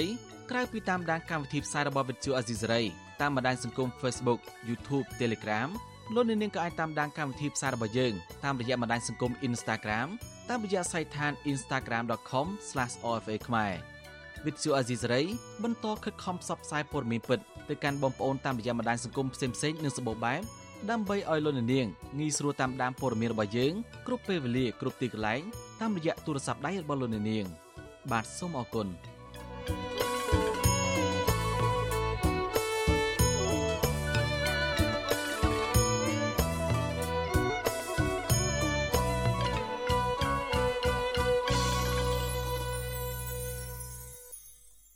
បានលុននាងជាទីមត្រីប្រជាប្រដ្ឋនិងមន្ត្រីសិទ្ធិមនុស្សនៅតែទទូចអាជ្ញាធរនិងក្រុមហ៊ុន OCSC របស់អង្គការពងខៀវសែផ្ដល់សំណងសំរុំដល់ប្រជាពលរដ្ឋដែលរងផលប៉ះពាល់ពីគម្រោងអភិវឌ្ឍពលិយន្តហោះថ្មី អ្នកសិទ្ធិមនុស្សមើលឃើញថាក្រុមហ៊ុនគួរតែសម្របសម្រួលជាមួយបរិវត្តជាជាងការបណ្តេញចេញដោយបង្ខំ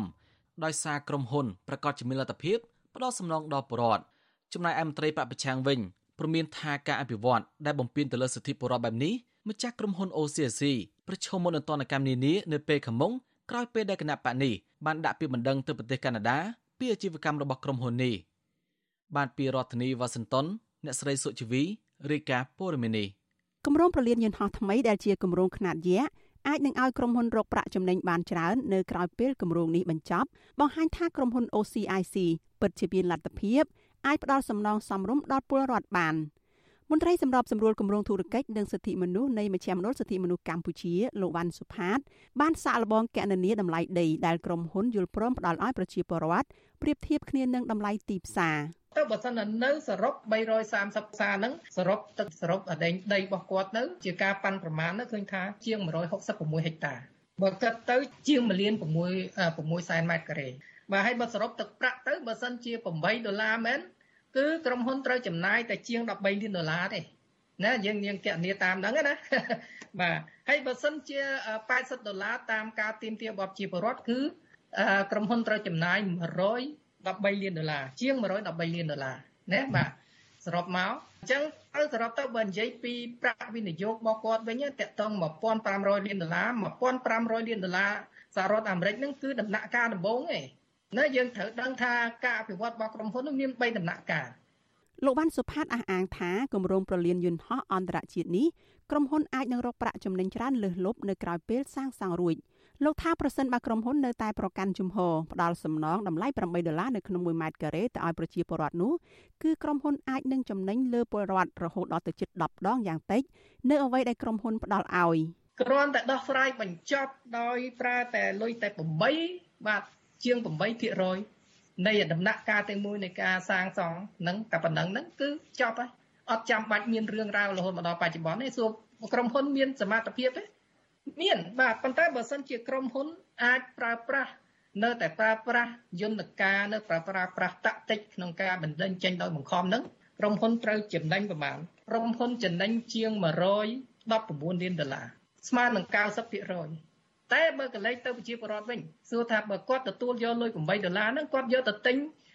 ដីទំហំប្រព័ន្ធគ្នានៅដែងទីតាំងហ្នឹងឬនៅជុំវិញហ្នឹងបានទេអត់បានទេគាត់ត្រូវថែមលុយ90%ដែរណាបាទ ឧទាហរណ៍ថាគ្រួសារមួយគាត់មានដី 9A មានតែ 9A មានខ្លះ 9A 10A 1ហិកតាអញ្ចឹងទៅបាទហើយបើខ្លះមួយ 9A គាត់បាន7500ហ្នឹងបាទបើសិនទទួល8ដុល្លារណាបាទតែបើ80ដុល្លារគាត់បានប្រហែលគាត់បានជាង70000ដុល្លារឃើញទេប្រជាពលរដ្ឋនៅស្រុកកណ្ដាលស្ទឹងលោកស្រីខឹមម៉ាលីប្រាប់វិទ្យុអាស៊ីសេរីថាពលរដ្ឋត្រេកអរនិងយល់ព្រមនឹងការអភិវឌ្ឍរបស់រដ្ឋាភិបាល ប៉ុន្តែសូមត្រឹមតែសំណងសំរុំខ្ញុំយល់ឃើញថានៅស្រុកខ្មែរខ្ញុំនេះអយុត្តិធម៌អ្នកមានអ្នកមានធ្វើបាបតែអ្នកក្រអ្នកល្អក៏ប្រែទៅជាអ្នកអាក្រក់ដូចជាពួកខ្ញុំជាជនរងគ្រោះ330គ្រួសារមិនតែប្រាថ្នាចង់បានបោះអ្នកណាទេសុំត្រឹមតែមករស់ធម្មតាដូចគេដូចឯងមិនដែលចង់បានអ្វីពីអស់លោកអ្នកមានអ្នកធំទេលោកអើយ ខ្ញុំគិតថាខ្ញុំរស់នៅរាល់ថ្ងៃនេះអយុត្តិធម៌ខ្លាំងបំផុតដឹងរាល់ថ្ងៃនេះពួកខ្ញុំចង់ស្រែករកអ្នកជួយតែមិនដឹងថាត្រូវទៅរកកន្លែងណាទេខ្ញុំឆ្អែតនឹងអាញាធើនៅស្រុកខ្មែរខ្ញុំខ្ញុំឆ្អែតណាស់បងពួកខ្ញុំឈឺចាប់ស្រែកទៅហូរយំយ៉ាងណាក៏គ្មានដែរតែបើចម្រៃអ្នកមានលុយគេហាតែបន្តិចគេចង់មកភ្លាម វិទ្យុអាស៊ីសេរីមិនទាន់អាចសុំការឆ្លើយតបរឿងនេះពីតំណាងក្រុមហ៊ុន OCIC លោកជូកុកបានទេកាលពីយប់ថ្ងៃទី14ខែកញ្ញាដោយទូរស័ព្ទចូលតែពុំមានអ្នកទទួលតាក់ទងរឿងនេះអនុប្រធានគណៈបកសង្គ្រោះជាតិអ្នកស្រីមូសុខហួរអះអាងថាអ្នកស្រីបានដាក់បណ្ដឹងទៅរដ្ឋាភិបាលនៃប្រទេសកាណាដាដើម្បីឲ្យមានចំណាត់ការលើម្ចាស់ក្រុមហ៊ុន OCIC លោកអុកញ៉ាពុងខៀវសែដែលលោកមានសញ្ជាតិកាណាដាអ្នកស្រីប្រមានថាម្ចាស់ក្រុមហ៊ុន OCIC ប្រឈមនឹងទណ្ឌកម្មនានាតាមផ្លូវច្បាប់របស់ប្រទេសកាណាដាតាក់ទងនឹងអាជីវកម្មដែលមានការរំលោភសិទ្ធិមនុស្សរបស់ក្រុមហ៊ុននេះយើងត្រូវតែនិយាយអំពីការអភិវឌ្ឍមួយដែលកាណាដាក៏គេឯកភាពដែរมันអាចប៉ះពាល់ជាដាច់ខាតទៅលើសិទ្ធិមនុស្សมันអាចប៉ះពាល់ទៅដាច់ខាតទៅលើការការអភិវឌ្ឍមួយដែលមានពាជារភាពចា៎ហើយខ្ញុំសូមឲ្យរដ្ឋាភិបាលកាណាដាមើលទៅចូលរួមផង ជាមួយនឹងករណីអង្គក្រុមហ៊ុន OCIC មិនមែនតែនៅក្នុងកម្មគម្រោងសាងសង់ទីលានអាកាសយានអន្តរជាតិនេះទេ មានតាំងពីនៅកោះពេជ្រតកតទៅនឹងការដាក់ទណ្ឌកម្មអ្នកជំនួញនឹងក្រុមហ៊ុនពាក់ព័ន្ធនឹងការរំលោភសិទ្ធិមនុស្សនេះសហរដ្ឋអាមេរិកបានឈានមកគេដែលបានប្រើប្រាស់ច្បាប់ដាក់ទណ្ឌកម្ម Magnitsky Act ដាក់ទណ្ឌកម្មបង្កកទ្រព្យសម្បត្តិមេឈ្មួញឈើ លោកទ្រីភិបនិងក្រុមហ៊ុនពាក់ព័ន្ធរបស់លោកក្រុមហ៊ុនចិន Union Group UDG រួមនឹងក្រុមហ៊ុនជាច្រើនទៀតពាក់ព័ន្ធនឹងមន្ត្រីជាន់ខ្ពស់រដ្ឋាភិបាលលោកគុនគីម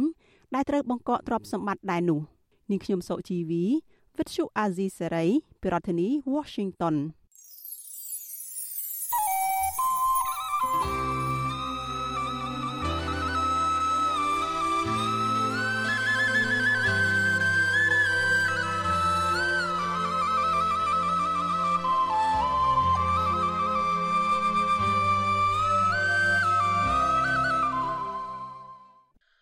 បានលោកនៅនាងជាទីមន្ត្រីជនជាដាប់ភេតិចភ្នងនិងមន្ត្រីសង្គមស៊ីវិលទាមទារអាជ្ញាធរខេមរដូគិរីដកហូតព្រៃជា100ហិកតាដែលក្រុមអ្នកមានអំណាចខុបខិតគ្នាទន្ទ្រានការកាប់ជាសបាបកុលបំពេញច្បាប់ការលើកឡើងនេះក្រោយពីតំណាងអាយកានអាជ្ញាធរខេត្តនេះបានចូលដល់ទីតាំងបលល្មើសព្រៃឈើប្រទះឃើញសកម្មភាពឈូសឆាយដីព្រៃបំរុងទុកដ៏ធំល្វឹងល្វែងក៏ប៉ុន្តែមិនទាន់ឃើញចាត់វិធានការនៅឡើយទេ បាទពីរដ្ឋធានីវ៉ាស៊ីនតោនអ្នកស្រីម៉ៅសុធីនីរាយការណ៍ព័ត៌មាននេះ ជនជាតិដើមភាគតិចភ្នងនិងមន្ត្រីសង្គមស៊ីវិលចង់ឃើញអាជ្ញាធរខេត្តមណ្ឌលគិរី និងស្ថាប័នពាក់ព័ន្ធអនុវត្តច្បាប់ដល់បុគ្គលមានលុយមានអំណាច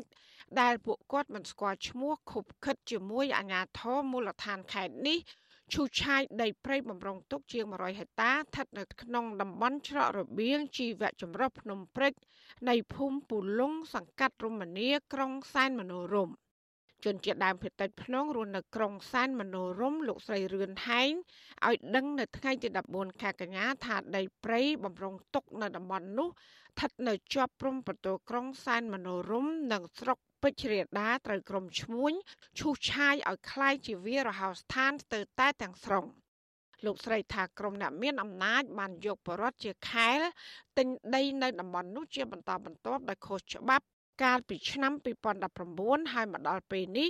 គ្រឿងចាក់នៅតែបន្តឈូសឆាយព្រៃដោយពុំមានអាជ្ញាធរណាទប់ស្កាត់នោះឡើយ។ចាលោកស្រីក៏អំពាវនាវអាជ្ញាធរស៊ើបអង្កេត ពីភាពមិនប្រក្រតីនៃការទិញលក់ដីព្រៃបំរុងទុក និងដកហូតដីព្រៃទាំងនោះជាសម្បត្តិជាតិវិញដើម្បីស្ដារមុខមាត់រដ្ឋាភិបាល ដែលចង់អភិរក្សព្រៃឲ្យគង់វង្ស ចង់ឲ្យគេដកហូតហ្នឹងទុកជាសម្បត្តិរដ្ឋមានមានតិចហិកតាណាឡើង100ហិកតាជាងហ្នឹងហើយកូនចៅមានចំនួនក្រោយមានដីអាណាទៀតដើម្បីប្រកបមុខរបរឬក៏ចំសัตว์ចំអីហ្នឹងវាអស់ហ្នឹងអូនប៉ុន្តែវាធ្វើគេអត់កោតដែលខូចខលហ្នឹងវាសិតតែមានខ្នងក្រាស់ក្រាស់ទៀត កាលពីសប្តាហ៍កន្លងទៅតំណាងអាយកាអមសាលាដំបងខេត្តមណ្ឌលគិរីនិងអាជ្ញាធរខេត្តនេះបានចុះស្រាវជ្រាវបទល្មើសព្រៃឈើដោយប្រទះឃើញសកម្មភាពឈូសឆាយនិងកាប់រៀនដីព្រៃបំរុងទុកទ្រង់ទ្រាយធំនៅចំណុចចន្លោះអូច្បា ស្ថិតនៅក្នុងភូមិពូលុងសង្កាត់រមនីក្រុងសែនមនោរមប៉ុន្តែมันបានខាត់ខ្លួនជនសង្ស័យអ្នកម្នាក់មកផ្ដន់ទោសនៅឡើយអ្នកភូមិថាម្ចាស់គ្រឿងចាក់ឈូសឆាយដីព្រៃ គឺជាបុគ្គលមានលុយមានអំណាចទៅបញ្ញាធមមិនហ៊ានអនុវត្តច្បាប់ ហើយមកដល់ពេលនេះគ្រឿងចាក់នៅតែបន្តឈូសឆាយព្រៃដដែលកាន់តែរីកធំឡើង ដែលប៉ះពាល់ដល់ដែនជម្រកសត្វព្រៃភ្នំព្រិច វិទ្យុអសីស្រីមិនទាន់អាចតតងសុំការបំភ្លឺរឿងនេះពីអ្នកនាំពាក្យសាលាខេត្តមណ្ឌលគិរីលោកសុនសរុននិងអ្នកនាំពាក្យស្ថាប័នអាយកាលោកមុំបណ្ដាបាននៅឡើយទេ នៅថ្ងៃទី14ខែកញ្ញាពីព្រោះទូរស័ព្ទហៅចូលតែគ្មានលាក់លើក ក៏ប៉ុន្តែចៅសង្កាត់រមនីលោកភីងោកប្រាប់វិទ្យុអសីស្រីថាលោកមិនហ៊ានបកស្រាយថាសកម្មភាពឈូសឆាយនោះត្រឹមត្រូវតាមច្បាប់ឬក៏ខុសច្បាប់ទេព្រោះលោកមិនទាន់បានចុះទៅពិនិត្យទីតាំងឈូសឆាយលោកក៏បានបញ្ជាក់ថាអាញាធរសង្កាត់រមនីក៏មិនហ៊ានចុះហត្ថលេខាធ្វើពាក្យស្នើសុំកាន់កាប់ដីធ្លីនៅតំបន់ព្រៃរបស់រដ្ឋឬក៏ក្នុងតំបន់ព្រៃអភិរក្សនោះទេលុះត្រាតែដីនោះ ពលរដ្ឋអាស្រ័យផលជាក់ស្ដែងច្រើនឆ្នាំមកហើយជាប្រភេទដីចម្ការវើជុំនិងភូមិចាស់របស់ជនជាតិដើមបាទមានមួយចំនួនដែលគាត់គាត់គាត់និយាយថាភូមិចាស់ពួកខ្ញុំដែលនៅឋានពួកខ្ញុំពីមុនមកពីដូនតាមកខ្ញុំពូមិនបដិសេធជូនគាត់ទេពូនឹងនឹងធ្វើលិខិតសារអាចមួយចំនួនអាចមានខ្លះប៉ុន្តែពាក្យប៉ុណ្ណឹងអាការឈូសឆាយពូអត់ដឹងអីទាំងអស់ ចាជុំវិញរឿងនេះទីប្រឹក្សាបណ្ដាញសហគមន៍ជនជាតិដើមភាគតិចភ្នងខេត្តមណ្ឌលគិរី លោកគ្រឿងដុល្លារអំពីនីវអរដ្ឋាភិបាល បង្កើតគណៈកម្មការចុះពិនិត្យនិងស្រាវជ្រាវឡើងវិញធ្វើយ៉ាងណាឲ្យការប្រើប្រាស់ដីធ្លី បានត្រឹមត្រូវតាមច្បាប់ជៀសវាងធ្លាក់ដល់ដៃបុគ្គលមានលុយមានអំណាច ចាលោកសោកស្ដាយដីព្រៃដ៏ធំល្វឹងល្វើយជាជំរកសត្វព្រៃនិងជាកន្លែងរកអនុផលព្រៃឈើរបស់ប្រជាពលរដ្ឋនៅតែប្រឈមការបាត់បង់គ្មានដំណោះស្រាយអនុវត្តច្បាប់យើងដឹងថាវាការអនុវត្តច្បាប់ចង់ដា2បាត់ទៅហើយបើសិនជាប្រជាពលរដ្ឋគាត់កាប់ មួយដើមជាប់កុកពីដើមជាប់កុកប៉ុន្តែចំពោះអ្នកធំទោះជាឈូសឆាយរាប់រយហាត់มันមានចំណាត់ការដែរអានេះជាហើយចំណុចដែលយើងលើកឡើងថាវាជារឿងអយុត្តិធម៌សម្រាប់ប្រជាពលរដ្ឋក្រីក្រតនខ្សោយហើយការគោរពច្បាប់ការអនុវត្តច្បាប់ហ្នឹងគឺវាមានស្តង់ដារ2អញ្ចឹងយើងមិនអាចទទួលយកបានទេបាទ ចាតកតងបញ្ហានេះមន្ត្រីពង្រឹងសិទ្ធិអំណាចសហគមន៍មូលដ្ឋាននៃសមាគមអាត់ហុកលោកប៉ែនបណ្ណាយល់ថាអាញាធរខេត្តមណ្ឌលគិរីគួរតែចេញលិខិតមុខភាពដីព្រៃក្នុងតំបន់របៀងជីវៈចម្រុះស្របតាមការណែនាំរបស់ក្រសួងបរិស្ថានចាលោកសង្កត់ធ្ងន់ថាអាញាធននិងស្ថាប័នអាយកាត្រូវតែចាត់វិធានការដល់អ្នកពាក់ព័ន្ធដែលខុបខិតគ្នាឈូសឆាយដោយព្រៃបំពេញច្បាប់ ដីដែល100ហិកតាតាមពិតមិន100បាទជាង1000ជាង1000ហិកតាយើងអាចដើរជាវបាទអញ្ចឹងបែងភាគច្រើនដែលដែលមានការទិញលក់នៅខេត្តមណ្ឌលគិរីត្រូវតែមកភាពជាស្វ័យប្រវត្តិអញ្ចឹងហើយបើថៃការវត្តទៅស្មារតីគ្នាមិនមែនធ្វើតែអ្នកលើអ្នកពុនក្រោយសូម្បីតែបញ្ញាតារាអីដែលទៅទិញដីនោះក៏ត្រូវតែមុខភាពចោលដែរបើអញ្ចឹងវាមិនដែលទីតែរត់ កាលពីខែឧសភាឆ្នាំ2021កន្លងទៅរដ្ឋមន្ត្រីក្រសួងបរិស្ថានលោកសាយសំអាលបានស្នើឲ្យអភិបាលខេត្តក្រុងទូទាំងប្រទេសចាត់វិធានការបញ្ឈប់ជាបន្ទាន់និងមោគភាពរាល់ការចុះហត្ថលេខា ឬក៏ការបញ្ជាក់ទទួលស្គាល់លិខិតផ្ទេរសិទ្ធិពាក្យស្នើសុំកាន់កាប់ប្រើប្រាស់ដីធ្លីលិខិតទិញលក់ដីរដ្ឋ និងការបញ្ជាក់លើប្លង់បង្ហាញទីតាំងដី ដែលបង្កឲ្យផលប៉ះពាល់ដល់តំបន់ការពារធម្មជាតិនិងនៅក្នុងរបៀងអភិរក្សជីវៈចម្រុះប៉ុន្តែមន្ត្រីសង្គមស៊ីវិលសង្កេតឃើញថាសំណើរបស់ក្រសួងបរិស្ថាន មានប្រសិទ្ធភាពតែចំពោះបរដ្ឋសាមញ្ញប៉ុណ្ណោះក៏ប៉ុន្តែបើបុគ្គលមានលុយនិងមានអំណាច នៅតែអាចច្បាមយកដីព្រៃអភិរក្សតំបន់របៀងជីវៈចម្រុះ និងព្រៃសាធារណៈរបស់រដ្ឋដដែលជាដដែលចាននាងខ្ញុំម៉ៃសុធានីវិទ្យុអសីស្រីប្រធានាធិបតី Washington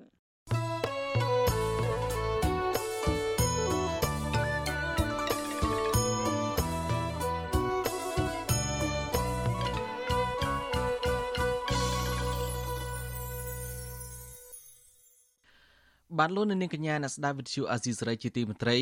ការផ្សាយរយៈពេល1ម៉ោងនៃវិទ្យុអាស៊ីសេរីជាភាសាខ្មែរនៅពេលនេះចប់តែប៉ុណ្ណេះយើងខ្ញុំសូមជូនពរដល់លោកអ្នកនាងព្រមទាំងក្រុមគ្រួសារទាំងអស់ឲ្យជួបប្រកបតែនឹងសេចក្តីសុខចម្រើនរុងរឿងកុំបីឃ្លៀងឃ្លាតឡើយ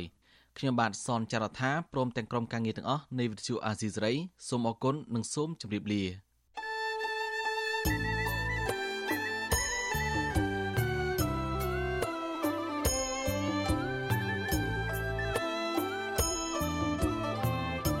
វិទ្យុអាស៊ីសេរីផ្សាយតាមរលក ធាតុអាកាសខ្លីឬ short wave តាមកម្រិតនិងកម្ពស់ដូចតទៅនេះពេលព្រឹកចាប់ពីម៉ោង5កន្លះដល់ម៉ោង6កន្លះតាមរយៈរលក ធាតុអាកាសខ្លី9940 40 kHz ស្មើនឹងកម្ពស់ 30m